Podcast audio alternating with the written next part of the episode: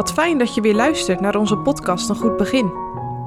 We nemen je mee door het Evangelie van Marcus en helpen je om van stap tot stap dit Evangelie te begrijpen. Vandaag met Jacob Pons. Vandaag lezen we Marcus 15, vers 16 tot en met 21.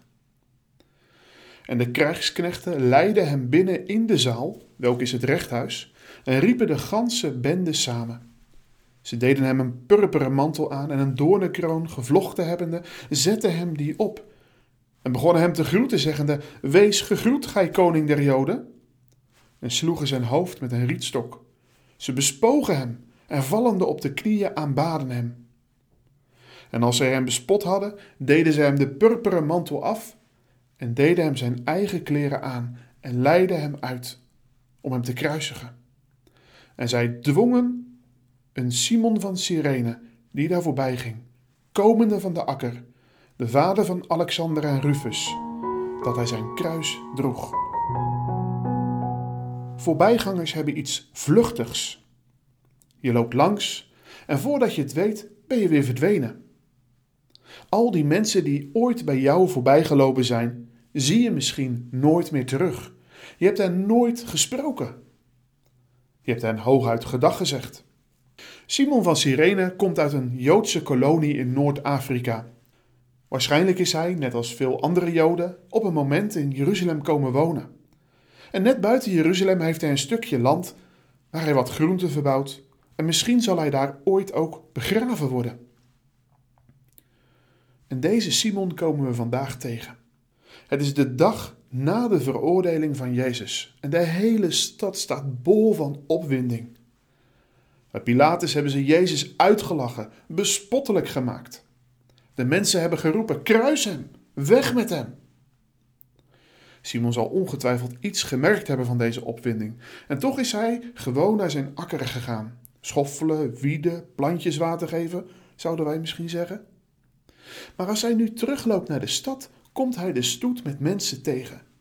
Vrede soldaten, woedende priesters, huilende vrouwen, schuwe discipelen. Ik kan me voorstellen dat hij zich wat afzijdig heeft gehouden, geprobeerd om een voorbijganger te zijn.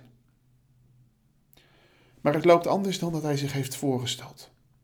Want hij wordt gedwongen. Hé, hey, jij daar, hier komen, dat kruis dragen. Hij probeert er nog onderuit te komen, maar hij wordt gedwongen. En voordat hij het weet, heeft hij die kruisbalk op zijn schouders liggen. Ik weet natuurlijk niet hoe hij zich gevoeld heeft. Maar ik kan me voorstellen dat hij daar toch niet zo vrolijk heeft gelopen. Gedwongen. Misschien wel een beetje boos en verongelijkt. Waarom moet hij dit nou doen? Simon is van een voorbijganger een volgeling geworden. Hoewel, het is wel een volgeling tegen wil en dank. Hoe en wat er uiteindelijk bij Simon gebeurd is, dat weten we niet. Maar er is kennelijk wel iets gebeurd.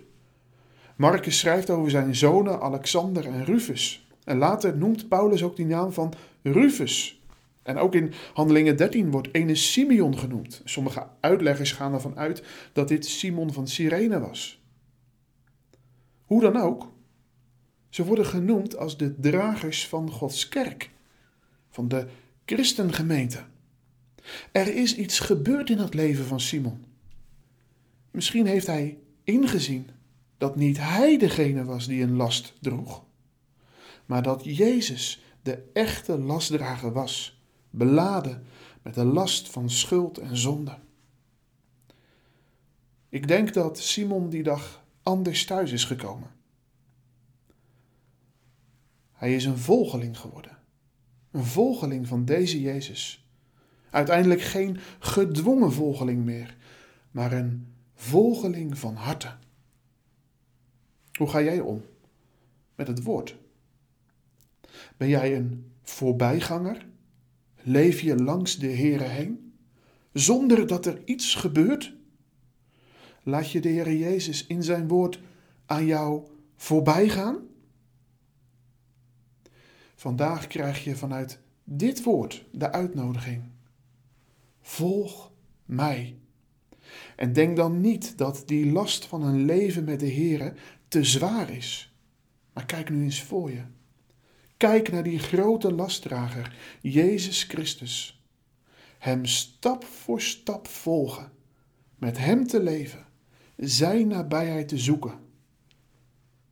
Dan ben je geen voorbijganger, maar dan ben je een volgeling.